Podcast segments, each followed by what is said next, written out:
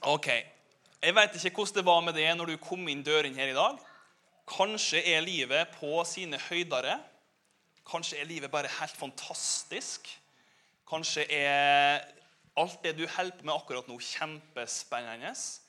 Eller kanskje er det slik at livet ditt akkurat i den sesongen som du er i nå, er veldig krevende, er veldig utfordrende. Eh, vi trenger ikke å være for, altså Vi alle er utsatt for livet. sant? Og vi vil møte på kanskje ulike utfordringer gjennom livet.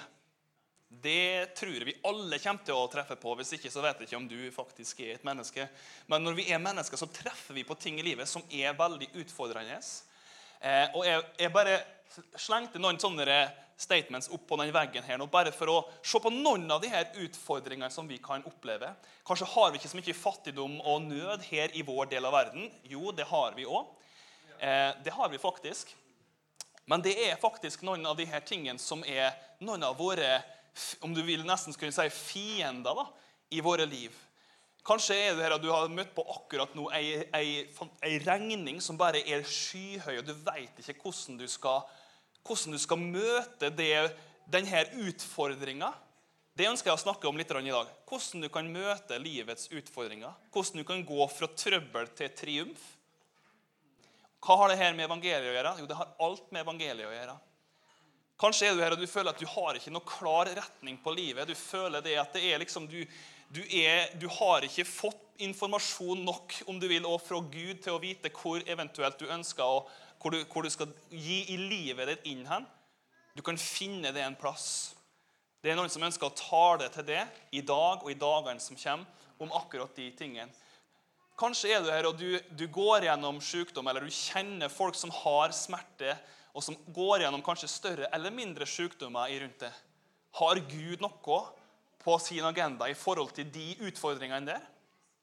Hva er det han har Har han noe å si om det i det hele tatt? Eller er det sånn at han er likegyldig og sitter bare og kikker og skuer ned på oss? Jeg tror han har noe til det og med når det gjelder akkurat det. Når det gjelder ufred i hjertet, det kan vi alle kjenne på. Det kan være omstendigheter rundt oss, men så er det et grunnleggende behov i oss som skriker ut etter å ha en dyptliggende fred i hjertet vår. Kanskje er du her og du opplever at du, du, du går fra smell til smell. Og ikke fra tro til tro eller fra herlighet til herlighet, og, som Bibelen forkynner. og, og vise til at vi faktisk kan. Hva er det Gud ønsker å gjøre her? Hva er det Gud ønsker å gi deg på det området der for at du skal få lov å oppleve at du kommer på en måte ovenpå? Jeg har møtt så mange mennesker gjennom de siste tida som på en måte føler aldri at de kommer liksom. De føler aldri at de kommer ovenpå. Og vet du hva? Gud har noe til det. Gud har noe til det som han ønsker at du skal gripe tak i. og Vi skal ta en liten tid nå etterpå og se litt på grunnlaget til hvorfor Gud ønsker å gripe inn for det. Det er faktisk utrolig spennende. Ensomhet er jo nesten en folkesykdom i vår del av verden. Selv om du har 1000 venner på Facebook, så er det mange som bare går rundt og føler seg helt ensom og ikke sett og ikke forstått og føler seg rett og slett mutters alene. Jeg tror til og med KrF hadde noe innspill om det Eh, og det er slik i vår del av verden òg. I vår del av verden så finnes det ensomhet. Og akkurat som om det er noe som bare mangler, noe som ikke smeller på plass på innsida. Og det jeg ønsker å dele litt om da, det er faktisk Guds løsninger på akkurat disse tingene her. Hvordan kan vi gå fra trøbbel, hvordan kan vi gå fra livets utfordringer? Hvordan kan vi face dem med frimodighet? Hvordan kan du ha en tro ifra Gud som gjør at du faktisk klatrer over. David sier at 'ved det så skal jeg klyve over en mur', sier han. Hvordan i all verden kunne han ha en sånn tillit til Gud? Ja, Det er jo ikke sånn at vi skal drive og arbeide oss sjøl opp til en sånn type overbevisning. Men det er noe informasjon som Gud ønsker å gi til det og meg, som er så utrolig dyrebar og viktig å få tak på som gjør at vi faktisk kan gå med, med full visshet inn i de utfordringene som livet byr på. Og Da skal jeg snakke om noe som kan høres litt traust ut, men som er faktisk utrolig, utrolig, utrolig viktig. Og Jeg kjenner jeg skal ta litt tid på akkurat det her. Eh, En pakt det har vi ikke så mye av her i vår del av verden. Vi har noen kontrakter, sånn som Kolosserbygg. De får en kontrakt, og så skriver de under, og så har de en avtale, og så er det forskjellig. Og det er fantastisk bra. Det peker mot en sånn type pakt, hva en pakt kan innebære. Sånn som når Edvard fer og trener på Progym, så har han skrevet en kontrakt. Du er ikke lenger. Han har brutt kontrakten. Så en pakt det er, det er altså i, i, sin generelle forståelse så er det altså en, en overankomst, altså det er en avtale. Men i en bibelsk kontekst så, så, er det noe mye mer enn det. Det er noe mye større, det er noe mye sterkere enn akkurat det. Og På den tida og i bibelsk, eh, i, i bibelsk setting så var folk kjent med det her begrepet pakt. Eh, det var to stykker, En som for dr. Livingston og Stanley. For ca. 200 år siden så var de inn, inn, i Afrika. og Da møtte de på datidens stammer som praktiserte dette her med pakt. Og ikke bare en pakt, men noe som kalles for en blodspakt. Og når de kommer dit, så er det sånn at de begynte å skjære så her pakten med de ulike stammene. Fordi det betydde vennskap, det betydde beskyttelse, og det betydde det at de kom under dekket av de ulike stammene. Så når de kommer da, han Stanley han hadde på slutten 120 sånne kutt der de hadde miksa faktisk blod. Det er litt sånn ekkelt nesten. Men de hadde faktisk gjort det, så de kommer inn til ei stamme. da, Og de er liksom, 'Hvem er du?' Så bare bretter de opp armene sånn som det her. Og så bare OK. Du er i forbindelse med den stamma, med den høvdingen, med den stamma, med dem, med dem, med dem. Vi rører ikke det. Det er litt sånn grunnlaget for en pakt. Og Det praktiseres mange plasser over verden fortsatt den dag i dag. Men jeg ønsker bare å ta en liten øyeblikk og snakke litt om en bibelsk pakt. Hvordan den ble, inngått. Fordi det har en veldig betydning for det og meg. Faktisk. Å forstå noe av det her. Og da trenger en Erlend. Erlend må komme hit. Nå skal en Erlend inngå en pakt. Sånn på liksom, da. Men det som er da, en pakt eh, sett i en bibelsk kontekst en pakt er noe som er ytterst hellig, noe som du ikke kan bryte. Og De så på det som veldig alvorlig. Det de, kom, det de gjorde først og fremst, de, Når de kom over en sånn overenkomst, det var at de valgte å sette seg ned, og så hadde de en slags seremoni med masse symbolikk i. Det første de gjorde, var at de bytta kappe med hverandre. Ja. Skal vi vise hvor lite hår jeg har på brystkassa. Og det, Hva er det egentlig det symboliserte? Det symboliserte at alt jeg er, alt som er under denne kappa her, det gir jeg nå til det. Alt jeg er, alt jeg er i besittelse av, det gir jeg til det. Og samme gjør han Erlend, symbolisk sett, i den overankomsten. Så gir han med si kappe alt som han er i et herredømme over, om du vil. Det neste som han gjorde, Erlend, det var at de tok beltet slik. Og så begynte de å ta til seg beltet. Og beltet på den tida det var ikke bare for å helle opp buksa, sånn som med en Erlend. Men beltet var, et, eh, redskap for å bære bue, sverd, våpen. Og det betydde rett og slett det at jeg gir det all min beskyttelse som jeg kan, under min, under min makt. Hele min hær, alle mine trente krigere. Hvis du noen gang kommer i trøbbel, så kommer alle av oss til å stille opp for det med alt det som vi har av ressurser og krefter og energi for å sørge for at det går det godt i utfallet av den krigen du står i. Dette er sterkt, altså. Dette var menneskelige pakter som de inngikk. Det neste de gjorde, det var det at de skar et dyr i to. Tja! Slik. Og så nå, Ellen, nå tar vi den, og så tar vi stolen her. Og så skal vi gjøre sånn som de gjorde. Så stilte de seg i den her, mellom de to dyrpartene her. Og her var det liksom, sto de rygg mot rygg slik. Så her dyra her. Og det gjør faktisk de pakspartnerne òg. Og her er det noe inni magen. Som vi har. Og så gikk de, begynte de å gå. Så du kan begynne å gå rundt den stolen her. Skal jeg gå rundt den her? Ja, du må bare gå gikk de slik, i et åttetall, et evighetens symbol. Og det symboliserte at de slutta å leve kun for seg sjøl, men de lever for den andre. Og de begynte ei vandring sammen. Og i det at de gjorde det, så sa de òg hvis jeg noen gang bryter den pakten mot det, så skal det skje med meg akkurat sånn som det har skjedd med det dyret her. Altså, det betyr, Bryter jeg pakten med Erlend, ja, da har han Erlend rett til å ta livet av meg. Og min familie har rett til å ta livet av meg. Så hellig var en pakt i den tida der. Den kunne altså ikke brytes. Det ville da si at jeg må bøte med livet. Og hvem vil vel det? Så alvorlig var det faktisk. Det neste ting de gjorde, det var at de, de skar i hånda si. Det er der vi har håndhelsning fra. Faktisk. Har du sett avtaler som inngås òg, så gjør de slik. Det er for at de har brukt å kutte oppe her ved håndleddet her. Så mikser de slik. Og det betyr nå at nå, fra nå av så er vi ett. Jeg og du, vi er nå ett. Vi har gått inn i en avtale. Og etter det, det de gjorde da, det at de satte seg ned og så hadde de ulike forpliktelser som de sa til hverandre. Ja, nå blir min gjeld din gjeld, Erlend. Halleluja! Men faktisk sånn var det. Altså, Og motsatt. Jeg vet ikke helt og, og, og, og, det var altså rett og slett, det var den overankomsten som de hadde. Eh, alt det som jeg, jeg har, det blir nå ditt. Hvis jeg skulle dø, så kommer du til å ta vare på min familie. Du kommer til å ta vare på kone, barn osv. Så, videre, så, videre, så, videre. så det var en veldig djup ting, faktisk. Og, og, ikke nok med det, men det, det beskytter hverandre i businessrelasjoner. Jeg kommer aldri til å på en måte prøve å, å tukle med de businessrelasjonene som du gjør. Jeg vil heller stille meg bak det og sørge for at vi kan gjøre større ting sammen. Mm, veldig sterkt.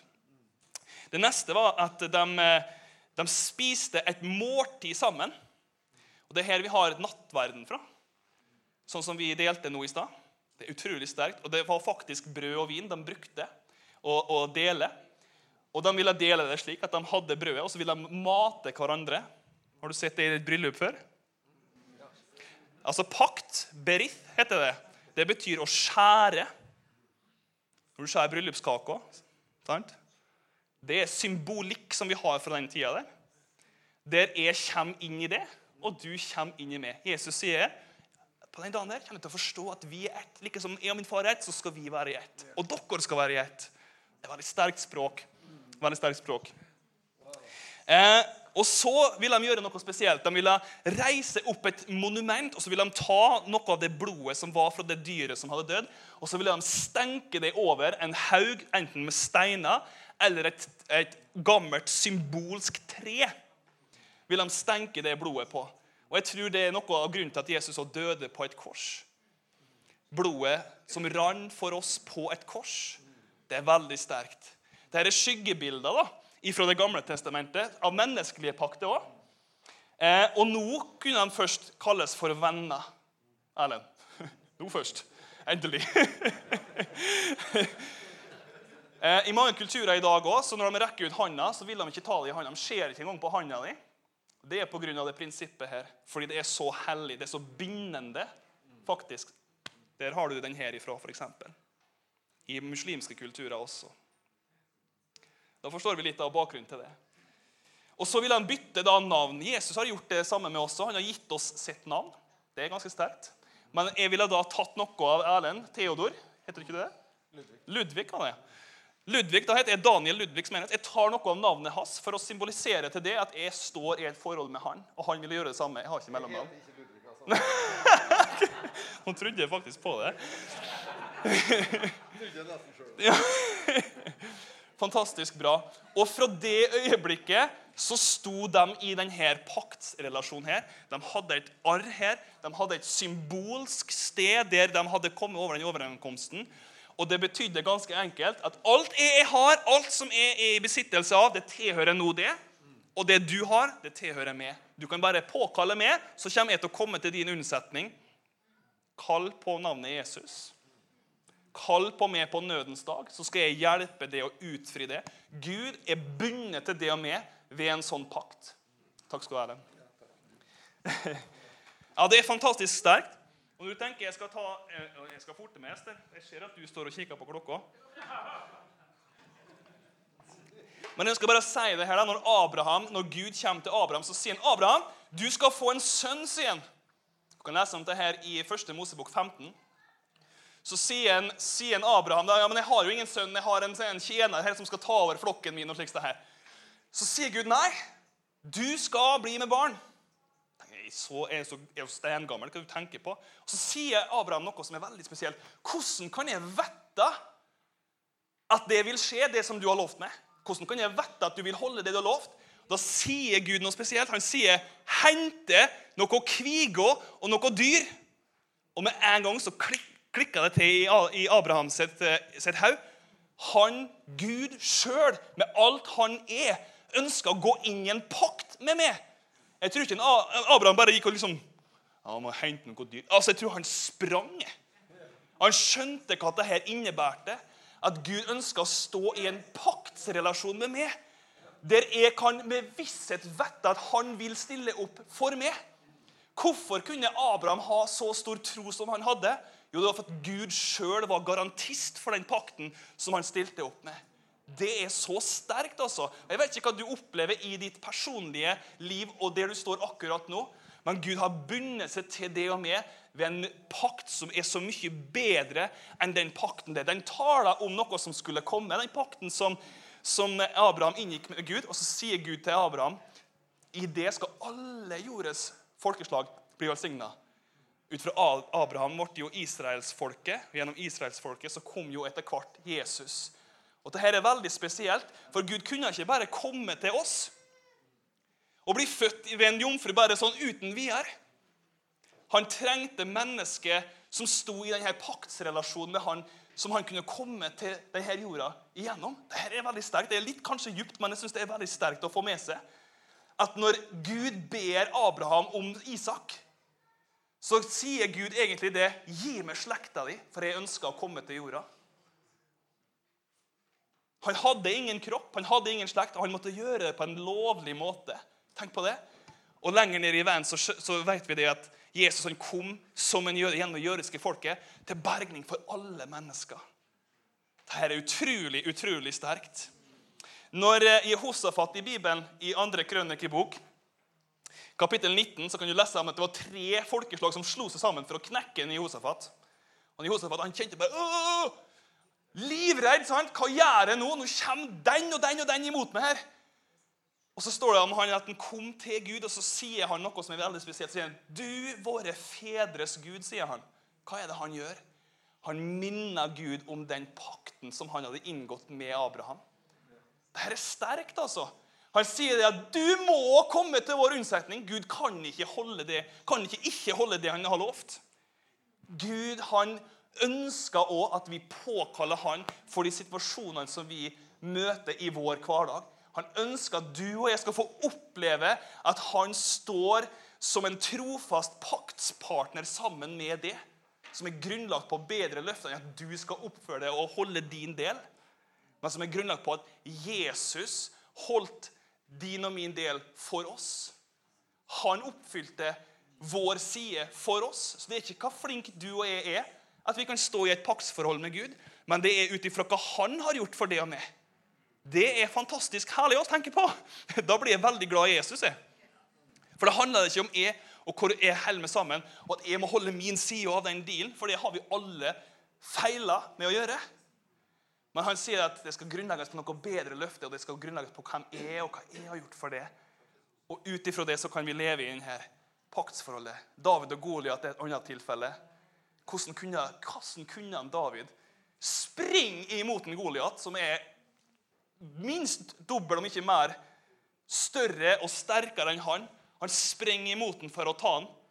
Hvorfor i all verden kunne han gjøre det? Hvordan kunne han ha en sånn tillit? Når Han sier om en Goliat så sier han, han der han er en uomskåren filister. Han står ikke i pakt med Gud. Jeg har sett at løve og bjørn, fordi Gud var med meg, så har jeg sett at de bare Hva er dette her, da? Det er jo ingenting. Og han kunne gå på med en sånn enorm frimodighet i forhold til det problemet som han feisa. Hva er ditt problem? Eller hva er det du kjemper med? Tenk at du kan påkalle Jesu navn med visshet om at han ønsker og vil og har lovt å stille opp for det med alle sine ressurser. Med hele himmelens hær. Jeg skal lese et bibelvers, og så skal du få lov å nå vet jeg ikke hvordan det her kommer helt, men det kommer vel sikkert etter hvert, tror jeg, nedover. Ja, jeg tror jeg må trykke her. Du kan få ta bilder av det her. Jeg skulle jo gått gjennom det her i flere timer med det, men det har jeg ikke tida til. Um,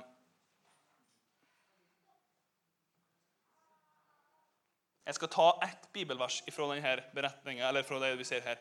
Altså, Han åpenbarer seg for oss ved ulike anledninger, med ulike eh, beskrivelser, for å vise det og med hvem han er i denne paktsforholdet, det forholdet til det og med. Han, han åpenbarer seg som din og min forsørger. Skulle du oppleve å komme i nød og mangel Erlend har jo fått eh, hva det var? Du mala et hus nede i Oslo en gang pga. at du kom i økonomisk uføre, og Gud forsørga deg med en løsning. Gud kommer med løsninger for det og med, om vi skal komme i, i, i økonomisk uføre osv. Han er vår helbreder, og han er hyrden vår som ønsker å gi deg de signalene den informasjonen du trenger for å leve et liv uten retningsløshet, men full av hensikt og retning. Han er vår fred. Han har gjenoppretta den freden med alle mennesker. Og han er også vår seier, sier Bibelen. Altså Den seieren som vi så sårt har trengt i forhold til relasjonen med han og evig liv, men også i de ulike utfordringene som jeg og du står overfor, så ønsker han at du og jeg skal få lov å oppleve at i pakt og i tråd og i relasjon med han, så kan vi feise og løpe eller springe over seg murene som kan komme av og til i våre liv, slik som en David sa. Ja, Det er sterkt, altså. Han er der, opp, står det her under ensomheter. Han åpenbarer som Herren som er der. Han er den nærværende opplever at du er ensom, vet du hva? det er alltid en som står der og som ønsker at du skal få lov å oppleve hans nærvær. Og i hans nærvær så blir du tilfredsstilt på sånn måte som ingen andre kan. Ja, og Han er også vår rettferdighet. ja, Han har vunnet den rette stillinga tilbake. der. Mange beskriver når de kommer til Jesus, så beskriver at det er et tomrom på innsida som blir fylt. Det er akkurat som at noe bare klikker på plass. Det kommer på plass igjen. Det er helt fantastisk. Jeg skal lese fra Romerne 8. Og så skal vi gå for landing. Ester. Hæ? Passer bra, det. Jeg vet det er noe mat og sånn her etterpå, så det rumla jo godt i flere mager, tror jeg. Skal vi se.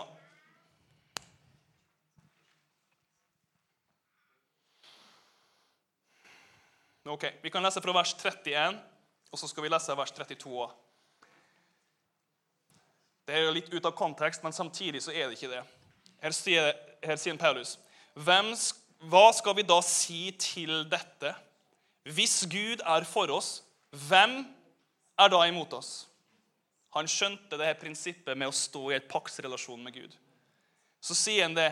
Han som ikke sparte sin egen sønn, men ga han for oss alle, hvordan skal han kunne annet enn å gi oss alle ting sammen med han? Hvilket behov har du akkurat nå? Jeg har bedt for det i forhold til denne dagen her, at du skal få kjenne at troa di flyttes ifra at du skal ha en egenprodusert tro, til å bli flytta på takknemlighet til Han som har oppretta denne pakten. Hva kan du og jeg gjøre for å komme inn i denne paktsrelasjonen med Gud? Hva kan vi gjøre? Vi har ingenting å føye til Gud. Han er jo komplett i seg sjøl. Vi kan føye vår tillit til han og si vet du hva, det du har gjort for meg, og det du ønsker å være for meg, det ønsker jeg å ta imot. Det ønsker jeg å ikke bare innordne meg Jo, innordne det er et godt ord. Innordne meg inn under. Der jeg gir meg tilbake til det. Der alt som Gud er, alt som Gud Tenk på hvem han er. Stiller han helt og holdent til din disposisjon. Det er utrolig sterkt. Det er utrolig sterkt. Og Kanskje er du her i dag og du kjenner at jeg har ikke denne relasjonen med Gud. Jeg vet ikke om jeg står i denne paktsrelasjonen med han. Jeg vet ikke om jeg står i denne forbindelsen med han. Vet du hva? Bibelen sier at hvis du påkaller Jesu navn, så skal du bli frelst. Og hva er frelse? Det innhandler mye av det du ser her, men kanskje det viktigste at du blir rettferdig innenfor Gud. Der du står skyldfri som du aldri har gjort noe galt. Som en fri gave ved at du Sett din tillit til at han levde det perfekte livet for deg, sånn at du kan leve hellig og ren pga. Jesus. Ja, det er nydelig. Den beslutninga kan du ta i dag. Faktisk. Der du sitter akkurat nå i ditt hjerte, så kan du si til Gud Gud, jeg ønsker å stå i denne relasjonen med deg. Jeg ønsker at mine, både mine synder skal være tilgitt, men jeg ønsker å stå i denne relasjonen med deg for tid og evighet. Det ønsker jeg. Fantastisk, altså. Jeg skal avslutte med ei lita story. Og det, Kanskje jeg har fortalt det her før, men jeg skal ta det en, en gang til. allikevel. Det var ei dame, og hun dama hun tok vare på sin pappa, og han pappaen, etter hvert så dør han pappaen. Og hun sjøl er hva det heter, illiterate. Altså, Hun kan ikke lese. Hun har ingen utdanning. Og hun, hun er da sitter igjen med det huset som hun har, og vet ikke hvordan hun skal forholde seg til de tingene som hun har rundt seg. Og Tida begynner å gå, og hun har ikke noe jobb, så hun begynner å selge unna de dyre møblene som de har, for å ha ting å leve av, ha ting i kjøleskapet, for å ha lys og varme i huset osv. Hun vet ikke annet enn å gjøre akkurat de tingene der. Så kommer det til et punkt der både hennes helse og hele huset og alt det bare forfaller. Hun har ikke penger til å betale strømregningene sine eller ingenting.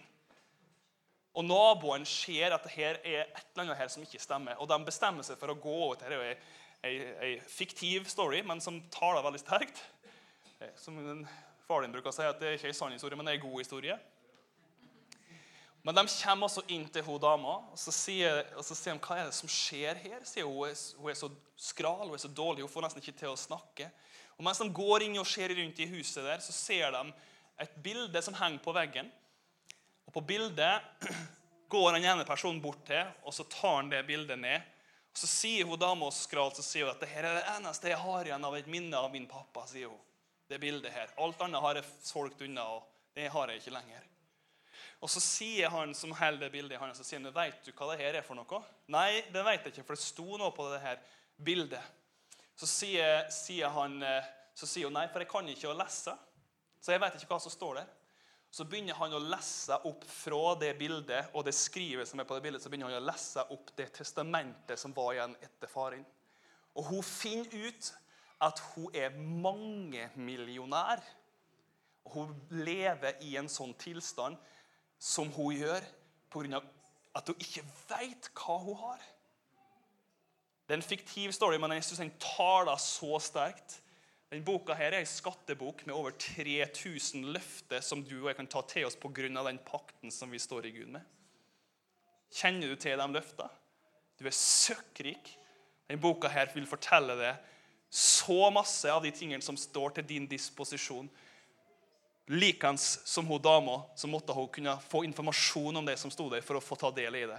Og når du får ta del i det ved tro og tillit, så vil du leve et liv som i utfordringer, det møter vi alle på, der Gud vil gi deg all den kraft og den styrke og alt det du trengte for å feise det og til å gå igjennom det og til å gå seirende igjennom livets utfordringer.